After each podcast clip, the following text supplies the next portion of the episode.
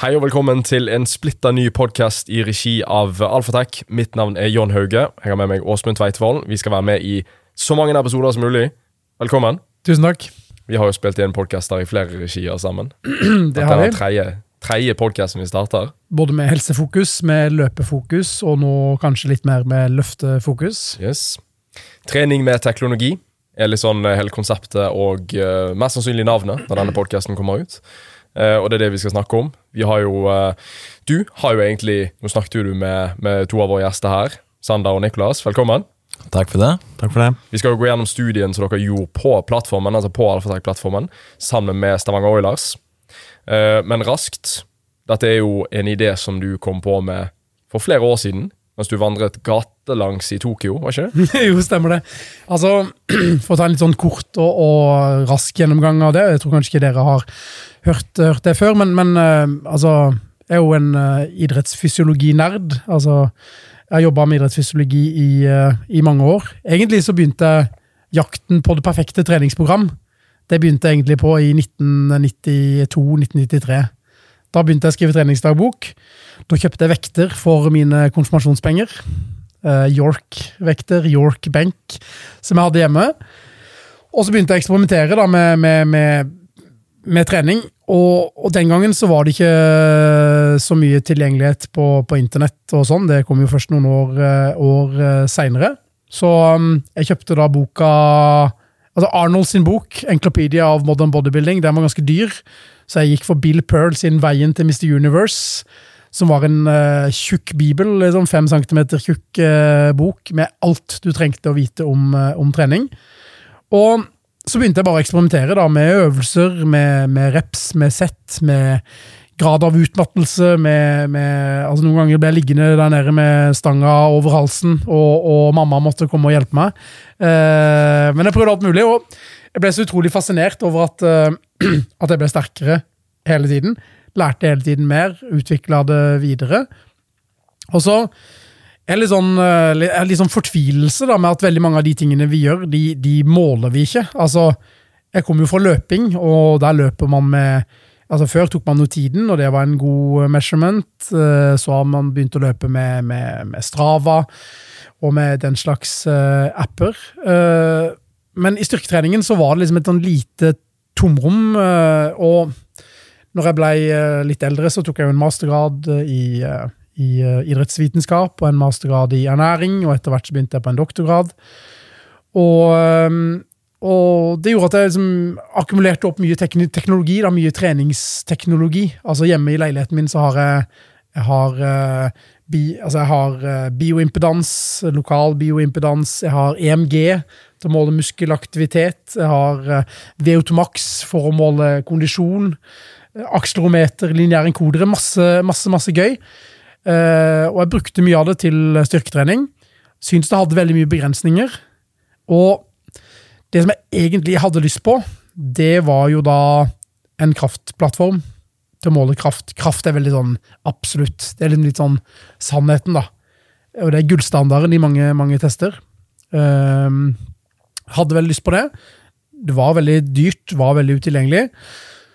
Og så i Tokyo. Eh, jeg reiser mye rundt og, og, underviser, blant annet i Tokyo og i Seoul og på, eh, i Indonesia og i Australia og rundt omkring. Og i Tokyo så kom jeg i kontakt med en, eh, med en professor som hadde hacka en sånn Nintendo Wii Fit. Dere har sett de, de der Fit-bretta som dere kan gjøre sånn dansing og tapping og, og, og treningsting på. Og så hadde han hacka den, så han kunne koble den til en Mac med blåtann og få opp eh, kraftmålinger. Og det gjorde jo at oi, shit. Nå kan jeg faktisk ha kraftplattform, så jeg dro hjem, bestilte alle Fit-brettene som fantes på finn.no, fordi de var ute av, ut av salg i, i, butikkene. Og så begynte jeg å eksperimentere med det. og da hadde jeg på en måte Og det var liksom starten da på, på, på, på det som senere ble Alfatech. Jeg fikk med meg noen kjempeflinke mennesker, kjempeflinke ingeniører, til å, til å utvikle dette videre. Som eh, kom med nye ideer, nye måter å, å, gjøre det på. Som gjorde at vi sammen endte opp med et produkt som var, eh, som var helt unikt, da, og som er, dere, som er, det dere nå har, eh, har forska på. Og det dere forsker på, det er nok kanskje det jeg har lurt på aller mest opp igjennom. Dere har jo forska på hvor eh, hardt man skal trene. Og jeg har vært på masse foredrag opp igjennom med, med Dorian Yates, hvis dere vet hvem han er. Mm. Blood and Guts, den filmen så jeg alltid før jeg trente eh, når jeg var masterstudent. I Hver svart-hvitt, gang. er det ikke det? Hæ? I svart-hvitt, er det ikke Den er i svart-hvitt, Ja. og han har en uh, Det er en stund siden nå som jeg var student. vet du. Ja, freidig. Eh, og Dorian ikke sant? han pusha jo Han var kjent for å Han grein jo blod, ikke sant? Altså Han pusha seg totalt så langt det gikk an å gjøre. og det var det han var kjent for, det er det han har predikert siden. Og han er jo en av flere som på en måte har hatt denne tilnærmingen til trening, der det å trene hardest mulig er det som gir mest resultater. Og så har den bølgen gått litt frem og tilbake med high intensity training, med, med Mike Menser, med, med, med Dorian Yates. Og, og så har man hatt en annen tilnærming med, med Arnold Schwarzenegger med, med et høyt treningsvolum osv.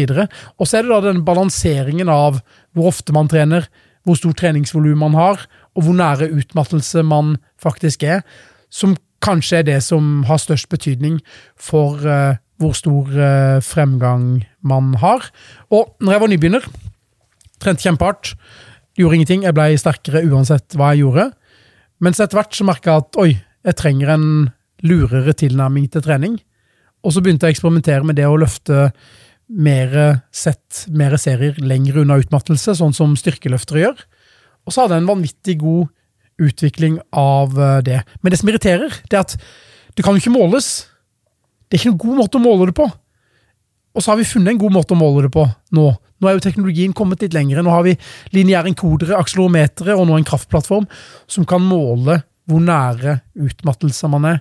Og det skal dere få lov å forklare litt, eh, litt seinere hvordan eh, man gjør. Og det er jo at man da faktisk kan eh, gi litt, litt mer objektive data på det. For dere har sikkert brukt reps i reserve. Har dere brukt det? Mm. John, du har jo sikkert uh, Mm. brukt RPE liksom på Brukte løpingen. mye med kunder og, og Ja. opp igjennom. Og, og Eirik Åreide på, på Universitetet i Stavanger han gjorde en studie på, på reps i reserve og RPS-skalaen, nå mot, uh, mot hastighetstap. Og da skjedde det samme som man ser i de fleste andre studier som, uh, som måler det, at vanlige mennesker, eller godt trente mennesker heller, har en veldig dårlig oppfatning av hvor nære utmattelse de er. Mm. Det samme skjedde her som har skjedd i andre studier, at man, man tror at man har gjerne fire reps igjen i reserve, og så har man egentlig 10-12 reps igjen i, i reserve. Kanskje til og med mer. Og det gjør at uh, vi kan liksom ikke stole på oss sjøl, vi kan ikke stole på at utøverne har en god forståelse av det, og så har det kanskje ikke noe å si da for oss vanlige mennesker. Vi kan bare kanskje trene passe hardt, trene til vi har litt vondt, få god helse, få, få gode resultater. Men for eh, toppidrettsutøvere, de som tyner det siste, de som da trener masse andre ting, og som bruker styrketreningen som et våpen til å bli bedre på isen, bedre hoppe høyere, løpe fortere, sprinte raskere, så blir da de detaljene veldig, veldig viktige. og dere gjorde en studie der dere sammenligna muskelstørrelse også. Og særlig i forhold til muskelstørrelse så har man jo tenkt at man skal være så nære utmattelse som mulig. Og, og nå ble det akkurat eh, kom det akkurat en publisering ahead of print. Den er ikke, den er ikke fagfellevurdert ennå, men eh, en sånn metaregresjon som så på, eh, på hvor nære utmattelse og hvilke effekter det hadde på, på, på, på muskelvekst. Og da tyda det på at jo nærere muskelvekst man kom, jo større ble denne muskelbyggende effekten. Og Det var da en metaanalyse som tar for seg en ganske mange ulike studier på grad av utmattelse og, og uh, muskelvekst. Så jeg sa jo at jakten på det perfekte programmet begynte for uh, ja, i 1992-93. Og ennå så har jeg ikke helt landa på, på hva som er sannheten. Og um, hvis jeg kan bare liksom hoppe inn i, i studien deres nå, hva øh, Helt kort, hvis dere kan forklare hva dere undersøkte, og hva dere trodde dere kom til å finne, for det syns jeg er interessant. Først og fremst må jeg bare si gratulerer så mye med, med fullført mastergrad. Takk for det. Tusen takk. Så hvis det, Sander begynner, da for å forklare, Hvis dere raskt eh, på en måte introduserer dere sjøl og forklarer hva dere har tatt eh, mastergrad i, eh, og eh, til sammen hvorfor dere har valgt å, å studere på dette, altså forske på plattformen Alfatek. Ja, eh, Vi er jo da ferdig med mastergrad i idrettsvitenskap fra UiS. Ble ferdig denne uka, faktisk. Eh, Så det var jo veldig herlig. Eh, Bakgrunnen vår er jo at på en måte vi er veldig glad i trening, begge to. Og først og fremst styrketrening. Eh, Så iallfall for min egen del så så jeg alltid føre meg å så skrive masteroppgave innenfor styrketrening. Mm. Det var på en måte alltid tanken.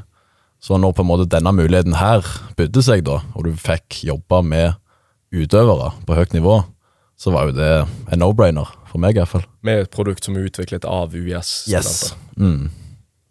Ikke om du vil si noe mer da? Ja, jeg har også tatt en eh, mastergrad i idrettsvitenskap med Samuel Sander. Og jeg er vel også litt sånn som Åsmund og Sander, litt sånn treningsnerd, på en måte. Så eh, når eh, Åsmund dukka opp på UiS og forklarte om plattform og sånne ting, så var det på en måte Ja, da var jeg egentlig ganske solgt. Og eh, så på som en veldig spennende mulighet til å på en måte Altså Den utdanningen tatt, så er det veldig En safe rute er jo da jobbe som lærer. Altså idrettslærer.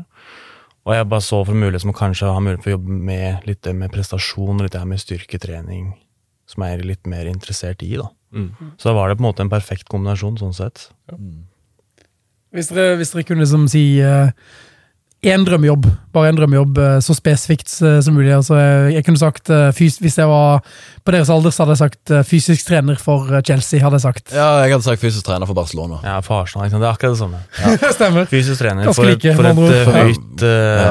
eller godt lag, da. Men kan jo si det ga jo veldig mersmak, det som vi gjorde nå. Det å så jobbe med utøvere på så høyt nivå. Det, det var veldig kjekt. Mm. Det var det. Ja. En liten, liten side note eh, på det, og all honnør til Oilers, eh, som har latt oss eh, boltre seg flere ganger med, med U20 og, og de yngre spillerne. og jeg tror man skal lete lenge etter å finne en uh, mer treningsvillig og hardtarbeidende, motivert eh, gjeng å trene. Ja. Altså, det Husker første gangen eh, første en prosjekt vi kjørte med de for noen år siden. Så hadde vi motbakkeintervall første økt. Eh, Vi gikk på den standard eh, åtte ganger, åtte ganger 30 sekunder eh, motbakke med, med, med to og et halvt sekund, nei, to og et halvt eh, minutt hvile. Og, og altså, Jeg husker ikke hvor mange prosent av laget som spydde i løpet av den økta, men det var ganske mange. liksom. De bare, og de gir seg ikke, de bare tar en runde til og, Og det er ikke bare på slutten, liksom. De Nei, spyr nei. underveis og, og fortsetter. og har en sånn der macho, uh, macho-kultur eh, som uh, Alfakultur. På en måte. som, er ganske, som er ganske kul, og som gjør at det er den kuleste gjengen jeg kan tenke meg å jobbe med. Ja, det, Eh, det er helt sant som du sier. Uh, og på en måte Ikke for å rakke ned mitt eget lag, og der jeg kommer fra, men jeg spiller jo fotball for Vidar. Eh, og hvis jeg på en måte skulle hatt mitt lag på denne intervensjonen her, så tror jeg ikke det på en måte hadde vært samme stemningen i treningsrommet som det, som det det var hos Oilers. For det Nei, var, det- var helt ekstremt, egentlig. Og de pusha seg så vanvittig, og på en måte ingen syting eller noen ting. Mm. Det var liksom bare go, go, go. Jeg tror det er en kultur som dannes, uh, Ja. dannes veldig tidlig. Og det skal jo sies at, eh, at de har jo trent utrolig bra styrke i, i veldig mange år Ja. før dere kom inn i bildet, og det Mm. gjør jo kanskje de resultatene dere fikk, eh, kanskje enda mer eh, oppsiktsvekkende. Mm. Men eh, ok, vi, vi hadde jo et møte tidlig med, med dere, og, og, eller med hele masterkullet, og vi hadde lyst til å, å eh, se om vi kunne få, få, få med noen da, til, å, til å forske på noe som jeg og Thomas Bjørnsen syns er veldig interessant. Altså, hvor nær utmattelse bør man, bør man trene? Fortell litt om, eh, om, eh, om prosjektet og om deres, eh, de, de tankene dere hadde rundt det den gangen. Ja, nei, altså Det blei jo at vi satt to hastighetstap, da, altså da 20 og 40% skulle sammenligne det. Og så har jeg Sander hatt to forskjellige retninger, egentlig, hvor jeg har fokusert på muskelstyrke og muskelstørrelse. Mens han har fokusert mer på power og ja, sprint og spenst. Ehm, og det vi på en måte egentlig fant ut Altså Først fikk vi veldig gode resultater på, på dette ishockeylaget, som eh, de trente i åtte uker. Og vi testa dem i knebøy i NRM, og da har de framgang på ca. Ja, 10 kilo. da. Så det er jo veldig oppsiktsvekkende. Um, um, men altså, når du tenker muskelstørrelse, så det som var interessant, var egentlig ganske lik, likt mellom gruppene. Og det vi tenkte før, var egentlig at de som trente til 20% ville få mer utbytte av kanskje muskelstyrke, og så 40% mer muskelstørrelse. Men det viste seg egentlig å være nesten litt motsatt, egentlig. Hvis vi, hvis vi kan liksom spesifisere litt her, eh, Sander. Altså 20 og 40 hastighetstap. Mm. Hvorfor, eh, hvorfor måler man hastighetstap? Hva er, det som er, hva er det som er fysiologien, eller hva er det som er på en måte ideen bak, eh, bak det? Det er på måte at det er et forhold mellom Altså Hvis du, ut, hvis du gjør eh, et sett på en måte hver repetisjon så fort som du klarer, så på en måte vil jo eh, hastigheten i hver repetisjon på en måte bli senere og senere, som et resultat av fatigue. da. Eh, og Så er jo da tanken at du skal stoppe på et forhåndsbestemt hastighetstap ifra da raskest repetisjon til da du når det hastighetstapet som du har satt. Og da er på en måte eh, 20 og 40% hastighetstap det er to hastighetstapsterskler som på en måte er blitt forska mye på siste tiåret. Eh, så derfor var det naturlig for oss å bruke de to, da. Um, og på en måte det som er Niklas var jo litt inne på det, men i det meste av tidligere forskning så er på en måte 20 hastighetstap vært det beste, med tanke på resultater i styrke og uh, spenst og sprint. Uh, så det, vi trodde jo at det var det som skulle være best. Uh, altså da de som trente det ble jo mindre volum enn 40 %-gruppa, så det er jo litt merkelig sånn sett. Men eh, ja, det var jo ikke det vi fant.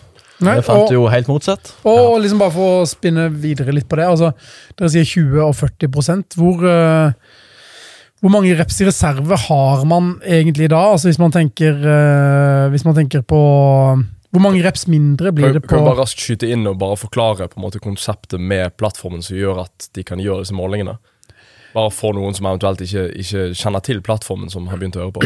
Det Selvfølgelig, det kan vi, det kan vi gjøre. Og altså Når man eh, tar en knebøy på, på Alphatex sin Alpha Power-plattform, mm. så tar man bare vekten på skuldrene, sånn som man alltid gjør. Så går man tilbake to steg, som man alltid gjør. Står i ro i et lite sekund. Da er man kalibrert inn i systemet. Og så begynner man å løfte knebøy. Umiddelbart så får man opp uh, på toppen av hver repetisjon løftehastighet, hvor dypt du går, hvor mye power du har produsert, og hastigheten din i forhold til den raskeste repetisjonen i den, uh, den serien. Så da er det altså um, Da har du altså en, en, uh, en objektivt mål på hvor sliten du er, altså hvor mye fatigue du har mm. samla opp gjennom dette, dette settet. Og veldig ofte så ser man at man, eh, man klarer å holde seg en god stund, og når man da begynner å bikke rundt 20% så ser man ofte at eh, hastigheten synker litt raskere. Uh, har iallfall jeg observert, observert ofte. Til man da når 40% og når man når 45% eller litt mer enn det, da er man som regel helt fatigued. Mm. Så, så, så, med min gjetting for de fleste, så det vil jo være individuelle forskjeller, så har man kanskje én til to reps i reserve på, på 40, 40. 40 mm. med samme teknikk, med riktig teknikk. Eh, hvis man sier at, at utmattelse eller failure er når man ikke lenger greier å utføre en repetisjon mm. med den teknikken som er hensiktsmessig. Mm. Så ja, man kan stå lengre på toppen og tyne ut uh, flere og flere repetisjoner, men det er jo ikke det vi er ute etter her. Vi ønsker jo å, holde en viss uh, tempo, ikke sant. Dere satte en regel på maks ett sekund på, på toppen, mm. og en liten digresjon der, men uh, i min uh, jakt på det beste programmet i verden, så, så, var jeg en stund innom et program som heter uh, Squat and Milk. Har dere prøvd det? Nei, det kan jeg ikke si at jeg har prøvd, nei. Nei, nei det, det, var et veldig bra program. Jeg økte, økte som F, uh, faktisk. Ja. Og, I kroppsvekt, eller? det gjorde jeg òg. Og det, det, programmet det gikk da ut på, på, på, at jeg skulle mandag, onsdag, fredag så skulle jeg løfte 20 rep i, i, kne, i knebøy. og hver dag skulle jeg drikke fire liter H-melk. Det var fundamentet, på en måte. da. Og, da, ja, okay. og hvis den da Du får litt eh, Ja, du får et lavere tyngdepunkt hvis du Du, du gjør det. Ja. Så, så også, men du skulle starte på det som var din 20 RM, og så skulle du øke 2,5 kilo. Og det høres ut som en sånn derre eh, en selvmotsigelse. For hvis man er på 20 RM, altså det tyngste man greier å løfte 20 ganger, så har man egentlig ikke noen vei å gå, da. Mm. Sånn egentlig. Men, eh, men clouet er at du da skal bare bli stående på toppen med disse, disse kiloene. Så puste. Puste én, to, tre ganger, og så tar du en rep til. Og så står du, og så tar du en rep til. Og så blir det her på en måte en slags sånn eh, en slags, egentlig en slags sånn clusterserie, da, på en måte, der man bare ikke hviler helt, men man står med vekten på, på eh, og, og de fleste klarer kanskje å øke denne 20 RM-en da, i, i gåseøynene med, med en 20-30 Altså Man blir griseflink til å ta eh, Det er ikke den man blir ganske gris ellers òg, men, eh, men det er vel melken som er skyld i det. Uh, og av å ta disse 20 RM-ene. Men da står man lenge på, på, toppen, og det har jo dere da hindra at ikke de skal gjøre. Og mm. da vil fatigue komme litt raskere enn det det ellers uh, vil være. Hvor mye forskjell var det mellom uh, mellom gruppene sånn i antall repetisjoner utført når de traff 20 og når de traff 30? Det er 40, unnskyld. Ja, det var egentlig ganske overraskende. I forhold til tidligere funn, så var det egentlig ganske små forskjeller, da. Det var egentlig metode, ja. to ja. repetisjoner i forskjell i snitt. Ja. Så det var eh, egentlig noe vi også måtte se litt på, for sånn som du sier med 40% så skal du ligge ganske nærme failure. Mens 20, da er du på liksom halvparten av antall repetisjoner, cirka. Men av en eller annen grunn så blei jo det helt annerledes i vår vår studie. Og det er vi litt usikker på hvorfor, men det kan jo være dette her med massesenter Nå begynner å bli litt spesifikt, men det er massesenter og det med målet fra stanga. da. Der tror jeg du er inne på en, på en veldig, veldig, viktig del av det. Altså, mm. Når vi måler på den måten som vi måler med, med vårt system, så måler vi massesenteret sin, sin vandring og hastigheten på det. Mm. For vi veier jo inn personen. Uh, I en tradisjonell VBT-setting, som det er forska på tidligere uh, Dere er jo på en måte de første som har gjort en gjort en studie på akkurat den måten å trene VBT på. Uh, og det er jo kjempe, kjempekult. Um, så hvis man ser på, på, på, de to målingene, da, det å måle stanghastighet og det å måle massesenterhastighet, så vil nok det skille seg litt uh, ut. Og kanskje vil det være sånn at man klarer å opprettholde en høyere stanghastighet litt lengre med å manipulere teknikken, med å bruke hofteleddet mer, med å lene seg mer fremover osv. Så, videre. uh, så, så jeg tror målemetoden kan være at det er litt, uh, litt uh, forskjellig. Ellers så ser man jo at det varierer veldig mye fra øvelse til øvelse som er brukt i forskningen. da. Eh, disse spanske, spanske, forfatterne som har gjort mange av studiene, har gjort sine studier på Smith-knebøy, f.eks. Ja, ja, og det vil jo da være en helt annen eh, måte helt annen å, å, gjøre det på. Så tror jeg muligens en annen forklaring kan være at uh, dette her er veldig eksplosive gutter, sånn i utgangspunktet. De er godt trent uh, eksplosivt. De er veldig flinke til å aktivere alle motoriske enheter på en effektiv og, og, bra måte. Så jeg tror kanskje de også har en litt sånn raskere fatigue-kurve når, eh, når, eh, når, de begynner å bli, bli seigere. For det Det har jo jeg òg. Det går fort fra 20 til 40% hos meg òg. For John, John, er sprinter, og, og, og, det gjør at John eh, nok er litt mer klar, ferdig, ferdig på en måte. Altså han når fortere Altså Han har en raskere decline da, når han mm. først begynner å, å, å, møte veggen. Så jeg tror kanskje at det kan gjelde, gjelde disse, disse, guttene. Mm. Eh, tradisjonelt sett så ser man jo at, at, kvinner ofte tåler litt mer trening og er litt, er litt seigere, på en måte. Ofte har de en muskelfibersammensetning som er litt annerledes enn en menn. Ofte ser man at de tar flere repetisjoner på en, eh, på en gitt av, uh, av NRM. Mm. Og dere hadde jo også med kvinner i, denne, i deler av denne studien. Mm. Ja, altså bare sånn For å forklare studien, så det vi gjorde var jo en samling mellom 20 og 40 hastighetstap hos da ishockeylag under sesong. ikke sant? Eh, og vi hadde jo da både et mannlig lag og et kvinnelig lag. Og som du sier, så ligger det en sånn teorier om at eh, damer kan ha bedre utbytte av å trene nærmere utmattelse. Og det vi merka i vår studie, var jo egentlig, hvis vi går tilbake til det med antall repetisjoner og sånne ting, så var det at de grad, De hadde vel en del flere repetisjoner enn mennene? Altså, ja. altså Står det forskjell mellom 20 og 40, da? Det var det. Du hadde noen damer som kunne stå og ta over 30 repetisjoner, ikke sant? Det var helt uh, Drakk de fire liter Håmek også? Ja, jeg, jeg, jeg, jeg trodde den der squat var melkesyre, skjønner du. Jeg, tror det, jeg tror det var det de fikk, nesten, fordi um, det er nok kanskje noe med, med den fibersammensetninga, at de på en måte har en lavere høy hastighet, og så holder de seg mye nærmere den, i hvert fall. da. Kan det også være at de kanskje ikke er så innøvd i det å Ja. løfte eksplosivt? Kanskje? Det tror vi. Det er en god eh, Ja.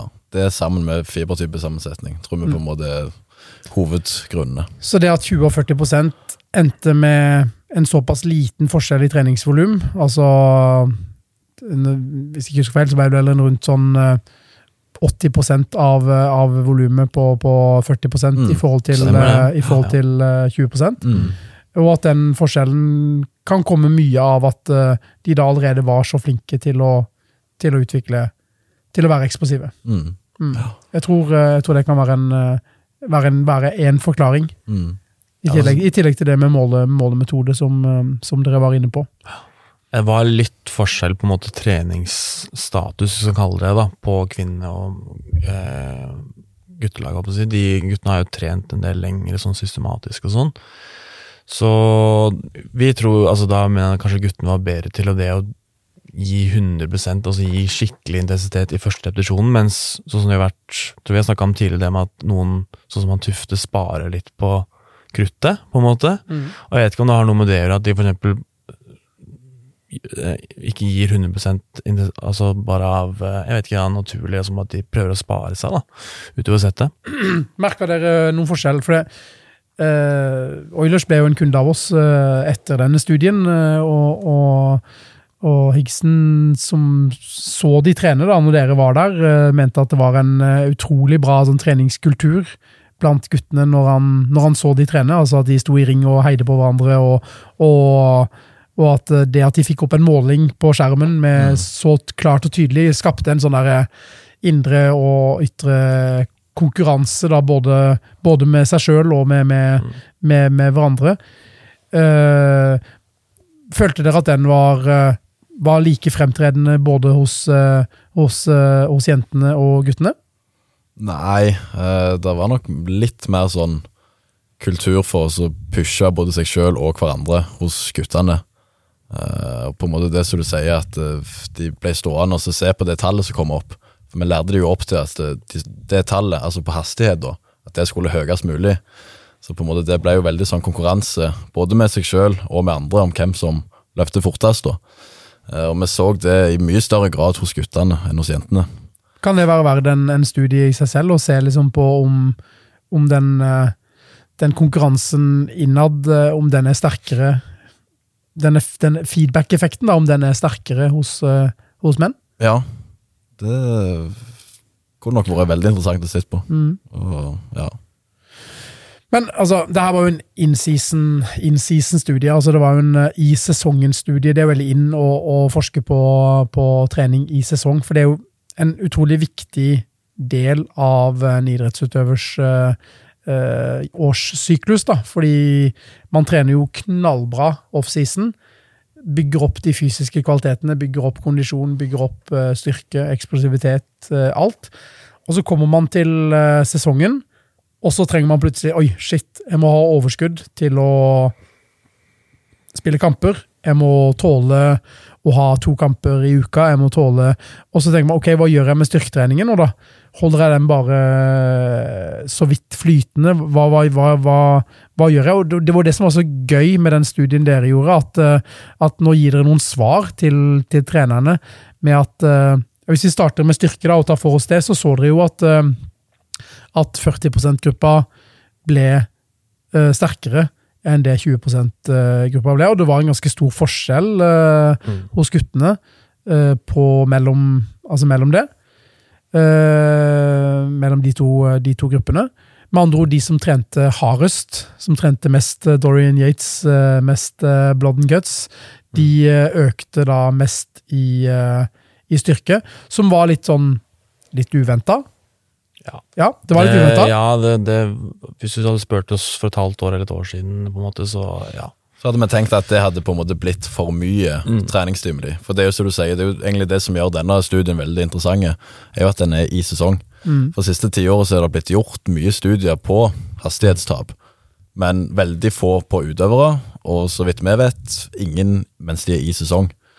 Eh, så det var jo på en måte det som skilte denne studien fra alle andre, da.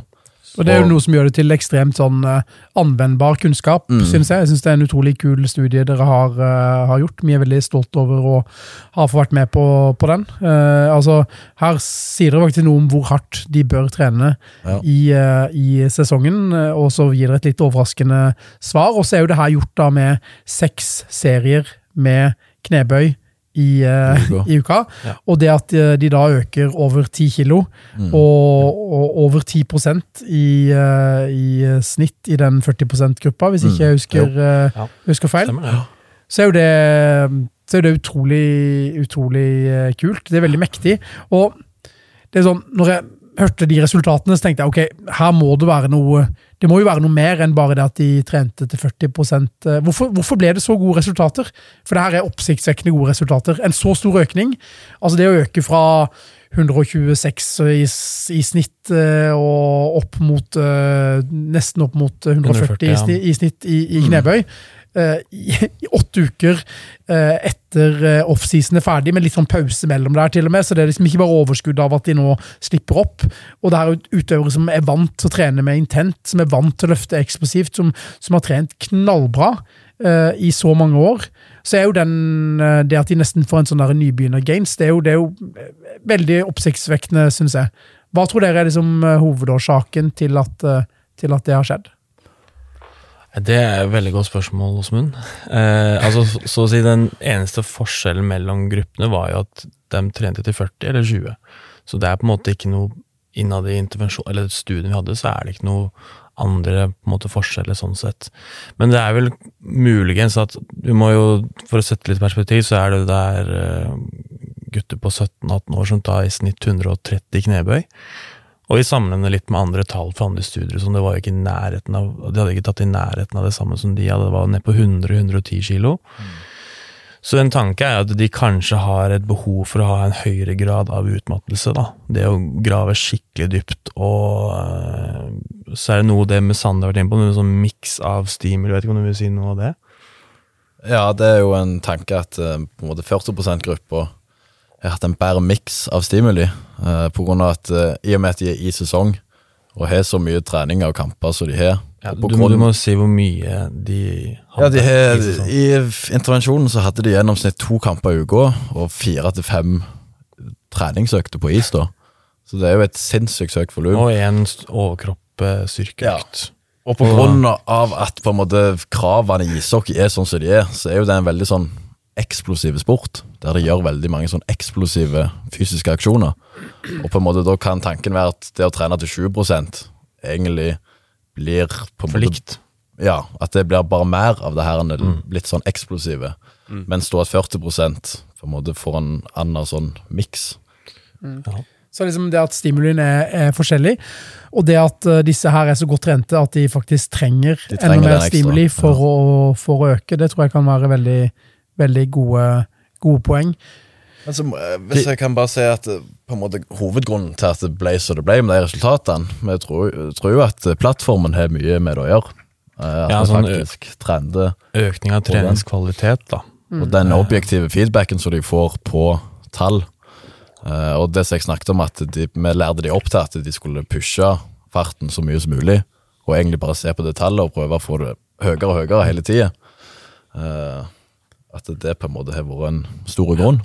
Og så selvfølgelig treningskulturen, da. Ja. Det er jo igjen verdt å forklare liksom, eh, hvordan du gikk gjennom hvordan plattformen brukes, men du får jo på en måte opp tallene på en 55-tommer, svær 55-tommer som står rett foran deg. Yes. Så du får jo umiddelbar feedback. Det er ikke en mann i hvit frakk eller kvinne i hvit frakk som står og ja, forteller deg resultatet mellom hver rep. Sant? Du ser det umiddelbart, og da er det jo ja, så mellom hver repetisjon nå tror jeg er veldig viktig at du får den mellom hver repetisjon Ja. kontinuerlig, samtidig som vi står også og gir feedback. Så dette er jo utøvere som liksom de suger til seg feedback, så det Mm. blir jo på en måte en perfekt match. sånn sett da. Jeg, har liksom jeg har en sånn lineær enkoder eh, som jeg bruker, har brukt i knebøy og markløft og benkpress og sånn.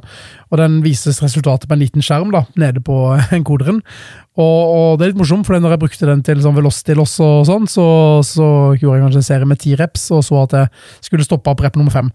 Så var litt for seint. Så, Ja, sent, Men, men altså, jeg har jo tenkt mye på hvorfor eh, mye på hvorfor, eh, hvorfor eh, 40 %-gruppa fikk den effekten som var så mye bedre enn 20 %-gruppa. fordi at Hvis det bare var den objektive feedbacken, så burde begge gruppene økt like mye.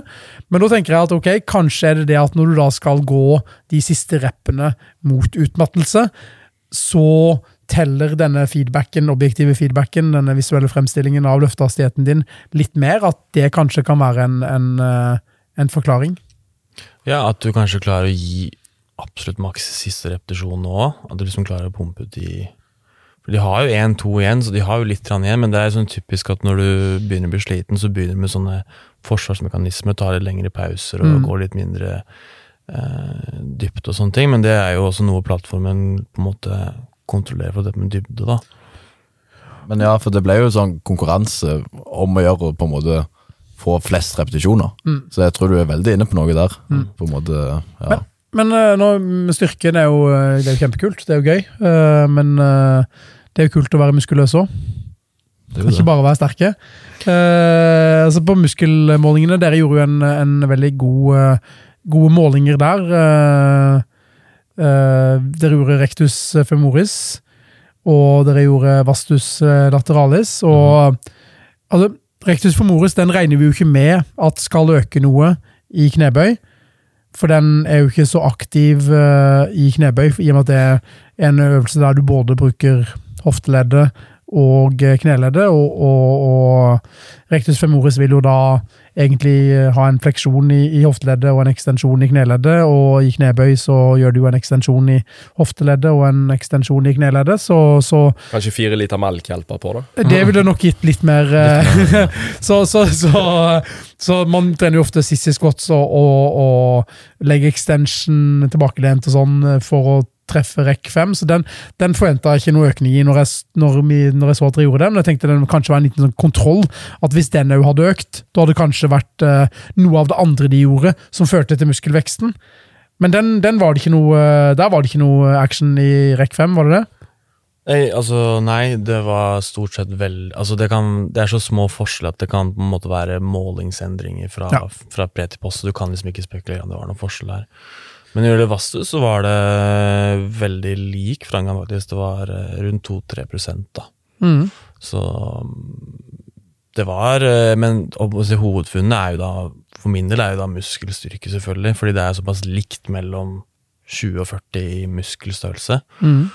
Um, Så hvorfor tror at, hvorfor tror dere at eh, den økningen ble såpass Altså såpass, såpass lik økning i muskelmasse? Det, jeg veit faktisk ikke. Altså, sånn, eh, det er litt vanskelig å si, eh, for vi hadde en hypotese at 40 skulle få mer. Mm. Eh, men de hadde, de hadde bare bitte litt mer, så altså Jeg vet ikke helt, Det har jeg på en måte nesten ikke noe godt svar på, egentlig, hvorfor det, hvorfor det blei sånn. Jeg- Altså, jeg har, eh, jeg har tenkt en del på det, og liksom Ok, vi tenker vastus eh, lateralis, som er en del av- kvadricepsmuskulaturen, altså de som ekstenderer i, i, i kneleddet. Og så ser vi på når er det de er mest aktive. Eh, når, er det, når er det du når full aktivering av kvadricepsmuskulaturen, minus eh, rectus femoris, i en knebøy? Normalt sett så tenker man at man når full aktivering på rundt sånn 80-85 Stort sett i alle muskelgrupper. Det er en sånn vanlig tanke. Men så ser man jo på studier at uh, faktisk så har man full aktivering allerede på 70 av eh, maks i, uh, i knebøy. Eh, er dere med? Og det, det tror jeg er noe med at man blir veldig oppreist når vektene er, er, er lette.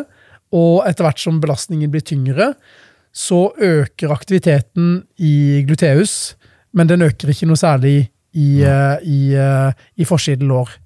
Så det tror jeg egentlig er forklaringen. Og dere hadde jo 70 og 80 eh, av NRM som eh, belastning dere brukte. Og så ble antall repetisjoner totalt ble ikke så forskjellig at eh, vi kunne forvente å se en sånn effekt. Så kanskje måtte man Måtte man Kanskje måtte man da hatt en en lettere belastning for å kunne se, se den effekten på, på muskelvekst. Men det, det, det er en idé som ikke er drøfta med noen, da, men det er bare en idé som, er, som for min del høres, uh, høres uh, ut som en logisk forklaring Mm. på hvorfor, uh, hvorfor muskelveksten ble bedre, eller ble lik, eller hårfint Mm. bedre i 40 For det klødde jo litt i huet når 40% øker så mye mer enn 20, og så virker det som det ikke er resultat av en muskelstørrelseøkning. Ja. Så det, det, den, biten der sleit jeg litt med å, Mm. med å liksom sette på plass. Men da, da tenker jeg at ok, da er det ikke muskelmasseøkning i, eh, i vastus lateralis i den eh, ja. biten, men det kan da kanskje være en muskelmasseøkning i gluteus. For hva er det som skjer når vi legger på tyngre belastning, eller når vi tar flere repetisjoner nærere utmattelse? Jo, det er at jo nærmere utmattelse man kommer, jo mer vil man bruke hofteekstensorene, altså gluteus, rumpa, til å løfte knebøy. Og da vil eh, det kanskje være der utmattelsen og stimulien øker mer enn i forsidelår. Det hadde vært spennende med ultralyd på gluteus maximalis. Det hadde vært eh, spennende. På, Det syns du nok. Ja, det, det hadde, hadde vært en god idé. Eh, og, og det er jo litt så spennende.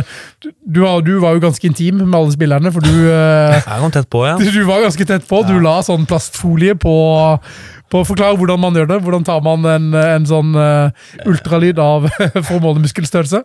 Ja, nei, Det starter med at du ber dem dra opp shortsen litt, så du kan få måle litt fra hoftekula og ned til kneet. Og så tar du og så på noen gel og ta noen bilder. Eh, men så må du på en måte legge på noen sånne At du kan markere hvor du tar bildet fra. da. Så da legger du på sånn som du sa, et sånn gjennomsiktig ark. Som du tegner på litt sånn føflekker og markerer der det er arr og sånne ting. Og så legger du på på postet, så bare legger du på akkurat det samme punktet. Og så får du tatt bilde akkurat i samme posisjon. Så får du da mål på det vi gjorde var muskeltykkelse, da. Mm.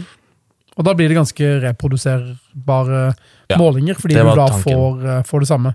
Jeg har jo hørt at folk eh, som har gjort den type forskning, har, eh, har eh, vært eh, sånn at eh, de som er med på studien, må markere med, med tusj hver gang de har dusja, liksom, på samme sted, sånn at de holder liksom en sånn, sånn markering. Så litt mindre invasive den måten, Ja. måten du gjorde det på der. Men ja, kanskje hadde det å hatt en gluteusmåling, kanskje hadde det vært en veldig kul måte Mm. å, å gjøre det på, på grunn av det med utmattelse. Det er en ganske god tanke. Jeg Mm. var litt fornøyd med den, faktisk. Ja, Hvis det er lov. Du får ta målingene, du, da. Nei, det er du som er eksperten. Men, eh, men eh, ok, så, så um, det var jo da styrke og, og muskelvekst.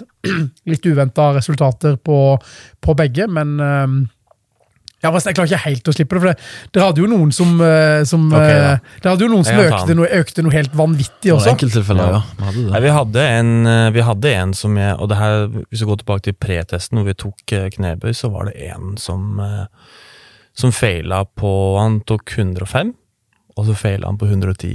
Og da, da, da Når han skulle ta 110, så eh, rakk ikke jeg å reagere, for han bare kollapsa med nesten stangen eh, framover, da. Det gikk, det gikk jo greit, da. Så, eh, men han var på en måte en som kanskje ikke var så glad i å trene. og ja, Han, han var ikke liksom det mest fysiske, men han gikk fra da 105 til 132,5 i knebøy. Og det var så syk stemning når han sto liksom på posttest og gikk på 120, rett opp. 125, rett opp. Og så begynte det å nærme seg litt, så var det 127,5, og så 130, og så klarte vi faen meg vant til 132,5. Ja, Det er helt Kilo. eh, sinnssykt. Tror det var 30% økning eller noe sånt nesten. Ja, Det er helt Helt uhørt. rått. På åtte uker. Ja, ja. På liksom det å hva, hva tror dere var forklaringen? Uh, hvorfor er det og det, Sånn er det jo alltid når man har uh, intervensjoner. Man har noen som har en helt sinnssyk respons. Mm. Sånne outliers, liksom. som er, Og så har man noen som er mer eller mindre non-responders.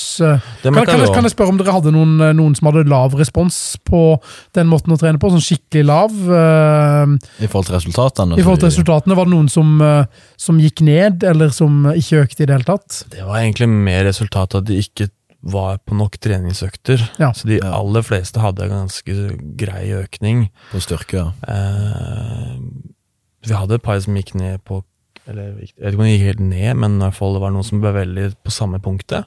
Mm. Og så var det kanskje en som var litt sånn non-responsive, men altså det, det, de fleste gikk ganske opp. Og så hadde han som responderte så sykt, og det var jo ikke bare i knebøy heller. Han fikk jo det også i sprinttester og, og sånne ting.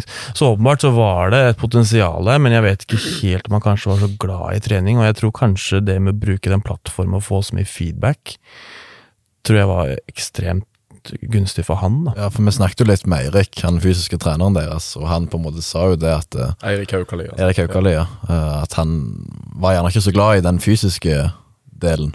Nei. Eh, Så vi på en måte jobbet litt ekstra med han, ga han litt ekstra kjærlighet. Ja. Og så, så ble det jo veldig bra, da. Vi startet med at han ikke dukka liksom opp på pretest og tok noen tester og sånne ting, og så endte det med liksom at uh, han sto og ble liksom skuffa at han ikke tok nok repetisjoner på 40 knebøy, så han trente jo ekstremt hardt da, og trente veldig godt. Det er jo, ja, det er jo utrolig Det var kul. gøy. Det er en kul uh, Det anekdote. gøy. Og, og, og det er jo sånn forskning som, som jeg vet at dere, dere prater om på, på eksamen deres òg. Altså, forskning går jo mer og mer mot at man, man forstår at uh, det her er individuelle responser, og at man uh, at noen intervensjoner og noen måter å gjøre ting på passer veldig bra for noen. Og så ender vi kanskje opp med at hvis man klarer å individualisere det, da, og finne de som har en kjemperespons på å trene på den måten, og kanskje andre har en annen respons Hvis man kan, liksom kan klare å knekke koden der, så er jo det kanskje, så er jo det kanskje et helt nytt level for, eh, for eh, lagtrenere. da. Den type individualisering. Vi ser jo at eksempel eh, effekten av eh, verbal feedback er veldig forskjellig på høyt motiverte og mindre motiverte osv. Det, det er mye variasjon i, i, eh, i dette. Så Ja. Men når du får objektiv feedback, så er det på en måte ikke noe løgn. da. Det er ren fakta du får uh, presentert foran deg, liksom. Og det, det tror jeg kanskje er litt, Nå har vi gjort noen studier som vi skal komme inn på på senere podkaster, på, på det med effekten av objektiv eh, studier, objektiv feedback. Og, og når, jeg, når jeg sier at vi har gjort det, så er det jo at vi da på en måte fasiliterer og legger til rette for det. Og så, er jo instruksjonene våre, liksom, både når vi snakker med universitetene, når vi snakker med, med NIH, når vi prater med studentene, det at vi ønsker at de skal finne ut av det de finner ut av helt uten bias. Vi ønsker ikke å påvirke de resultatene i det hele tatt.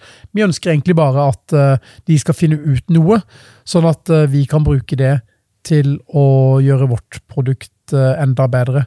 Og jeg tror det er få det få av studiene, altså det er nok den, den studien dere har gjort, det er nok den som har hjulpet oss mest i vårt arbeid med å, med å spre produktet utover. Fordi det er så klare, kule resultater.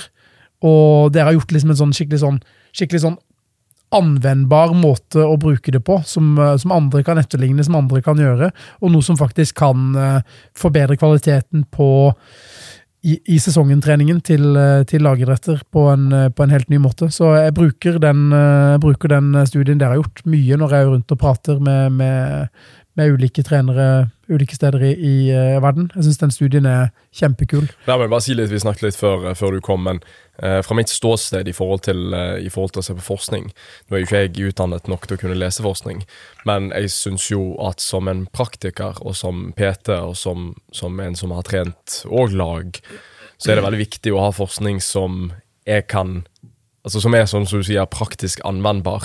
At det ikke er syke resultater, men i sånn hyperoptimale forhold som du aldri klarer å gjenskape på et treningssenter eller på, på en idrettsklubb. Det er jo helt, altså Jeg skal ikke si det er unødvendig, men det hjelper jo på en måte ikke meg som trener, eller Milo som trener, eller Erik Hammerseth eller Haukali som trener, hvis det aldri går an å gjenskape de praktiske forholdene av studien da da er det litt bortkasta statspenger, syns jeg, da, å, å bruke tid på, på det der. For det, greit, trener du kun Karsten Warholm på Olympiatoppen, så kanskje du klarer å skape de mest perfekte, optimale forholdene, men de fleste gjør jo ikke det. Sant? Og da er det jo, jeg synes det, det skal være litt av premisset med podkasten òg, at vi, vi snakker på en måte om ting som er praktisk anvendbart. Det er jo du blant Norges flinkeste på, Åsmund, så, så det at folk sitter igjen og hører her og, og egentlig har en, ikke en fasit selvfølgelig, men har en måte å, eller metode å bruke på mange i et mindre kontrollert, uh, mindre kontrollert omstendighet her, er, er sykt viktig. Og det, For verden er ikke firkanta. Ting er ikke gjort i et laboratorium. Ting er gjort med ekte folk, uh, med ekte liv. Uh, og du må liksom ta høyde for at du ikke alltid klarer å finne de, de prinsipielle, optimale forholdene, kan du skal kalle det. Og, og det, det, du sier der, det, um, takk, takk, for den, forresten, men det, det, man, det du sier der, det, tror jeg er så utrolig viktig. da, at uh, altså, Det produktet vi har lagd, som vi er veldig stolt over at vi har, uh, har lagd, det er noe som på en måte kan altså for, for min del så ser jeg at eh, feedback-effekten den er såpass mektig at eh, det øker, øker eh, kvaliteten av hver repetisjon lite grann. Og det har vi studier som viser at du, du løfter litt raskere, litt mer med intent, litt mer eksplosivt, aktiverer litt mer type 2-fibre, og får antageligvis litt mer effekt av hver repetisjon. Og så velger du kanskje rett belastning fordi du autoregulerer belastning, og så gjør du kanskje riktig grad av utmattelse i forhold til det som er målet ditt, basert på hastighetstap. Og så akkumuleres de valgene til å bli en god økning, eh, god økning på sikt. Eh, uten at du trenger egentlig å Du trenger egentlig ikke å logge alle disse dataene. Du trenger egentlig ikke å, å gjøre noe mer med det enn å møte opp på trening og gjøre treningen litt bedre. Litt mer motivasjon. Det skal være litt gøyere. Det skal være noe litt mer å, å strekke seg etter. Og med det enkle der, så tror jeg egentlig at, eh, at eh, fra en utøvers ståsted, så tror jeg vi danker ut veldig mange sånne veldig avanserte måter å drive, drive, drive klubber og klubbtrening på. da. Fordi altså, min jakt på det perfekte programmet, den måtte etter hvert på en måte liksom bite litt i det sure eplet og finne ut at uh, shit, dagsformen min når jeg har uh, løpt hjem fra byen en lørdagskveld uh, etter å ha spist kebab og vært, vært veldig full, den er ikke like bra som hvis jeg sov godt, sov hjemme og, og, og, og våkna uthvilt. Altså, Hva er det sure epler, og ikke den sure melken du måtte bite. den sure melken, nei, det var aldri noe surmelk i, i Vi eh, Det var aldri kefir i, i den uh, Milken Scott-programmet, det var bare H-melk. Men eh, nei, jeg, jeg tror det er anvendbare. da, det At vi har et produkt som faktisk bare du bare tilfører det, og så får du bedre effekt på hver enkelt repetisjon. Mm. Og det tror jeg er det kule. Og det samme vil vi jo med forskningen som vi er med og bidrar til. At det vi finner ut av, det skal kunne egentlig brukes eh, helst så fort som mulig av eh, så mange som mulig, sånn at eh, det faktisk bringer eh, verden litt grann fremover. Men jeg tror også det vi snakka om, at det skal være så anvendbart, at det er en praksissetting. Det er jo litt det med at det er den brukervennligheten til, til plattformen. Plattformen. Fordi at når vi starta med dette, her, så var det selvfølgelig en liten sånn innlæringsprosess med disse utøverne. Men vi så jo etter hvert, så vi ba dem fokusere på forskjellige ting og, og, og bruke plattformen, altså den informasjonen som står der, så var jo det stort sett veldig selvstyrt. Og da trakk vi oss litt mer tilbake, en litt sånn observerende, og bare griper inn når det er et eller annet som skjer da og trenger justeres, men at de på en måte trener selv, og så gir vi på en måte mer sånn verbal feedback, og ikke liksom står og så terper på at det skal være sånn og sånn, og ikke sant? For en fysisk trener så tror jeg kanskje det kan spare han litt. grann Da. Ja, at du absolutt. slipper å være den som alltid står og skriker. Altså Litt som sir Alex Ferguson. eh, Han var vel veldig sjelden på treningsfeltet, med mindre det var noe spesielt. Altså Han kjørte vel mer en stil der han eh, lot de andre ta skrikinga der, og så sparte han hårføneren til eh, til, eh, til når David Beckham hadde fått ny sveis, eller, eh, Mm. eller et eller annet sånt. Når noen Eh, trengte å få en sko i trynet, eller Ja, stemmer det. Det var Beckham òg, det. var? Ja, det, jeg tror det var Beckham, det òg, ja. Stemmer. Eh, så gjorde dere litt sånn power-målinger. altså Dere testa litt eksplosivitet og, og, og sånn. Var det noen overraskende funn der, eller var det mer i tråd med det dere hadde forventa? Nei, det gikk jo imot det vi hadde forventa. For vi gjorde jo en sånn Keiser leggpress, maksimal power, maksimal force-test. Det er en litt sånn fancy leggpressmaskin som bruker lufttrykk for å måle maksimal kraft og maksimal power. Eh, og iallfall på maksimal power så hadde 40 %-gruppa økning på 4,4 eh, som var signifikant i forhold til 20 %-gruppa, som på en måte sto stille. Jeg tror akkurat samme tallene for Brete Post. Så det igjen gikk jo imot. Og det er en ganske, ganske stor økning i en så standardisert Det er det. eh, Fire- test. 4,4 er mye. Økning. Er det noen tester dere skulle ønske dere hadde tatt med, som ikke dere tok med? Jeg husker vi snakka om den submaksimale knebøytesten. Mm. Jeg tror jeg ville tatt, eventuelt tatt med den. Mm. Eh, på en måte hatt, du hadde litt flere mål på power, føler jeg, med spenst og sprint og max power. Ja. Hva med en isometrisk, en isometrisk eh, knebøytest, eller en isometrisk uh, test av noe slag, eller føler dere at, eh, at keiseren dekker det behovet? Keiseren dekker jo en del, med tanke på den Ja. forcen òg. Fordi den gir, for Vi tok jo max power og max force, og da er det jo på en måte Den keiseren er så standardisert og så, så veldig eh, enkel, da. Mens knebøyen er litt mer krav til teknikk og sånne ting, så er den bare veldig bare sånn bare push, og så får du tall, på en måte. Så det, det jeg kunne tenkt meg, det var kanskje at uh, isometric mid-type pull uh, Rett og slett å, å sett om den korrelerte bra med, med Keiser, men det hadde jo vært en uh, test for, for vår del, på en måte, da, at den skulle, den skulle vært med. Mm. Um, men jeg tror jo kanskje ja, gluteus-muskelmasse hadde jo vært kult Ja. å, å, å, hatt. Ja. Men så, gjorde dere, så gjorde dere en del funksjonelle tester, altså mer sånn spesifikke til det de gjør. Ja. Um, altså, sprint. Ja, sprint på is. Og Det er jo på en måte viktigste testen for deg, da. For Mm. Det er jo det som på en måte overfører mest til matchplay, da. Uh, som gjorde 30 meter både på is med full tokkeutstyr, og 30 meter av is med vanlig fottøy. Og så 10 meter splitti på begge, da. Og det, før du fortsetter der, så er det sånn eh, Det som jeg veldig ofte mistenker når, eh, når man gjør en sånn test, det er jo at man kanskje blir bitte litt bedre på is, fordi man blir mer og mer vant til å gå på is. Selv om de har nå hatt is en god stund før dere begynte studien. Og så blir man ofte litt dårligere på, på, til å løpe, fordi man har jo da slutta med disse løpeøktene, naturlig. Og det var akkurat det vi så.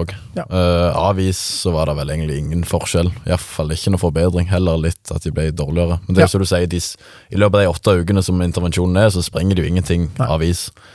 Uh, mens på is så var det jo gode resultater, spesielt på timeter.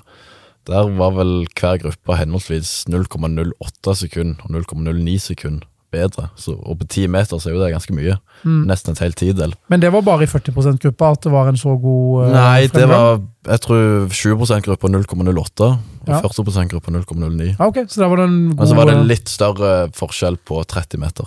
Stemmer. Der var 40 %-gruppa enda bedre. på en. Altså Hvis jeg hadde fått et tidel nesten på, på 100 meter når jeg drev med det, Det er det ganske takker jeg ja til etter Ja. uker med trening. altså. Ja, ja. Jeg synes det var, det var liksom en oppsiktsvekkende stor, eh, god forbedring på, på is. Større Ja. enn det jeg hadde forventa. men, men tilbake til det med keiseren, da.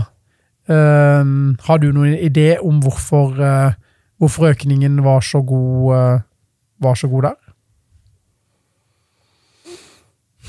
Nei, ikke noe annet enn på en måte at det følger følger trenden på en måte med de andre resultatene, da. Og at de antageligvis har hatt på en måte bra nytte av det økte volumet som de har hatt. Mm. Så ja, at det på en måte er hovedgrunnen. Det er vel ikke så mye mer med Nei, jeg bare sitter og tenker på dette her hvis de tar liksom mer i knebøy og det med max force, da, ja. så kan det kanskje gått over til power òg, på en måte. Ja, jeg tror, eh, jeg tror absolutt det Jeg tror det er riktig det dere sier, begge, begge der. Og så tenker jeg kanskje at eh, den gruppa som har hatt 40% at de kanskje har hatt en enda bedre sånn innlæring i det å løfte med intent, eller det å presse seg når de, når de er nærere det maksimale. Ja. Eh, tror jeg nok er en, eh, en, en ting. Fordi vi tok jo den derre keiseren forhold, forhold mellom kroppsvekt og i nærme knebøy. Mm. Og de fleste tok jo da mer på posttest, ikke sant, i knebøy. Så keiseren den fulgte jo etter knebøy, så da har du da løfta på keiseren med høyere vekt, da. Så hvis du ikke har klart å flytte den vekten like fort, Ja, så er jo det en økning i power. Eller du trenger ikke å flytte den like fort engang, fordi det er på en måte høyere vekt. Men da kan det bli mer power, da. ja, så dere endra, endra innstilling på, på keiseren etter, Ja, vi gjorde det. etter At, eh, fordi på, på pretest så var det etter det vi tok på knebøy på pretest, og posttest så var det det som vi gjorde etter knebøy på posttest. Så det kan være en årsak der. Spennende. Spennende. Hva er, neste, hva er neste steg for dere i deres, eh, deres karriere? Før, eh, hvis vi skal si at dere må ha en mellomjobb. Barcelona-Arsenal. Ja, før Før Barcelona Barcelona. og Arsenal. Vi la oss si at dere må ha en, eh, dere må ha en jobb før det, tenker Ja, jeg. nei, Da skal jeg få litt sånn verdifull erfaring som kroppsøvingslærer på ungdomsskole. Så jeg tenker jo at det er Nice. riktig steg på veien til å komme meg til Barcelona. Ja, det tror jeg. Det tror jeg. Sikkert like, like vanskelig å håndtere både Barcelona og ungdomsskoleelevene. De syder sikkert like mye, så det blir god trening. Det. Og for din del, Niklas, hva er, hva er veien videre? Eh, nei, jeg skal bygge på litt mer studier. Jeg skal ta um, PPU, altså praktisk pedagogisk utdanning. For å da jeg kan da jobbe som faglært, få den lektortittelen, da jobbe som idrettslærer, som mest sannsynlig blir det første steget i arbeidslivet. Ja. Jeg tror jo eh, Jeg er jo selv utdanna lærer og jobber mye med undervisning og har PPU eh, også. Eh, og, og det har en, for det første så har det en ganske stor verdi, det der å lære å lære bort på den måten eh, man lærer eh, der. Lære litt pedagogisk, eh, altså få et grunnlag pedagogisk. Og så tror jeg man lettere kan finne en eller annen spennende jobb som man kan gjøre ved, ved, siden, av, ved siden av. Så håper vi i Alfatek at vi kan bruke dere, bruke dere, bruke dere fremover til, eh, til, eh, til å være med på vår utvikling eh, videre. Og, veldig- hvis, og når, og når eh, Arsenal ringer, så skal vi heller eh, Så dere. så skal vi heller ta dere med bort, eh, så dere Ja, kan okay, få vist ja. dere, få vist dere frem. Spørs om Barca har råd til det, da, med å selge noe eh, Altså, nå, nå, er det ikke, nå er det ikke lønninger til Messi, så nå, eh, nå må det vel gå greit. Det Skralt for det, om, så vi får se. Tror ikke du skal ha så mye lønn. Ja, vi får se. Vi får se. Kommentar. Nei, men knallbra. Det var en god start, det, var ikke det? Det var en uh, fantastisk eh, start. Uh, tusen takk, gutter, for at dere ble med på pod, og at dere har gjennomført en så utrolig kul uh, studie. Ja, det var dritgøy å følge med fra, fra start til slutt. altså. Og jobben som dere har gjort, har jo blitt lagt merke til av, av flere. Og det, for, forhåpentligvis så er det etter denne podkasten òg, så er det enda flere som er interessert i både hvordan ting blir gjennomført, og, og hvordan dette kan replikkeres hos uh, de som hører på. Det var jo nesten en jobbsøkeannonse i seg sjøl, akkurat denne, akkurat denne podkasten her, da. Podcast med Alfatek, LinkedIn. Dere er på LinkedIn, gutter. Eh, Ikke ennå. Ikke ennå, men eh, i løpet av denne episoden her, så er det det. Fortere, fort det, ja. Du, kan Ja. Du har fått litt fart nå på LinkedIn, du. Ja, altså Jeg er litt aktiv, i hvert fall, men jeg er mer sånn, eh, litt mer som jeg er på Instagram. At jeg er liksom inne og stalker litt, liksom. Jeg syns det er gøy, eh, Du gøy å følge med. Du synes det er en bot på Instagram òg? Altså på, på LinkedIn, sånn som du gjør på Ja, det, er, det er jo sånn alle, Ingen vet om det er min ekte profil, da, for det har, jeg har jo ingen bilder. Men uh, Du er tagga en million ting, da. ja, ja, stemmer. Jeg har, eh, så, og så har jeg et liv til tross for at ikke det vises på Instagram. det skal sies. Ja, Der er du litt aktiv, ja. Ja. Det er antageligvis få som har vært så mye på aktiv, nei, så mye på Bali uten å Ja. poste noe på Instagram. Det, det, det, er en slags rekord der, Ja. tror jeg. Ja. Er det ikke det, Hvis du skal følge Åsmund, så er det vel Strava? er det ikke det? det er vel ikke Strava. Det er ikke så mye der heller, vet du. Er det ikke det? Kom, kommer noen er styrkevideoer i ny og ne. Litt det av eh, og til. bicep-curl. Av og til, av og til. Skulderpress på en fem kilometers eh, løpetur. Det, Ja, stemmer det. Altså, Må skryte av det man er god på akkurat nå. Da må det. Ja, Vi må jo bare si tusen takk, vi òg. Og takk for at dere ville ha oss med. På både podden og det med den studien vi fikk gjennomføre. Det var, ja. Veldig kult. følte det var en veldig kul mulighet. Veldig kjekt å høre, men vi har jo snakket om podkasten en liten stund, og, og vi har jo på en måte utsatt det fordi vi har ønsket å ha dere som første gjest, eller første gjester. Eh, litt fordi at både studien er så, så enorm og så, og så kjekk, og at det liksom er et, det er UiS-studenter på et UiS-produkt med lokale eh, klubber, eller lokal klubb og lokale spillere. Så eh, helt bare sånn, synergien er, er veldig god, da. Herlig. Fantastisk. Så yes. vi tusen takk for oss, Takk og for så eh, høres vi i neste episode med en annen lokal helt. Snakkes. Snakkes.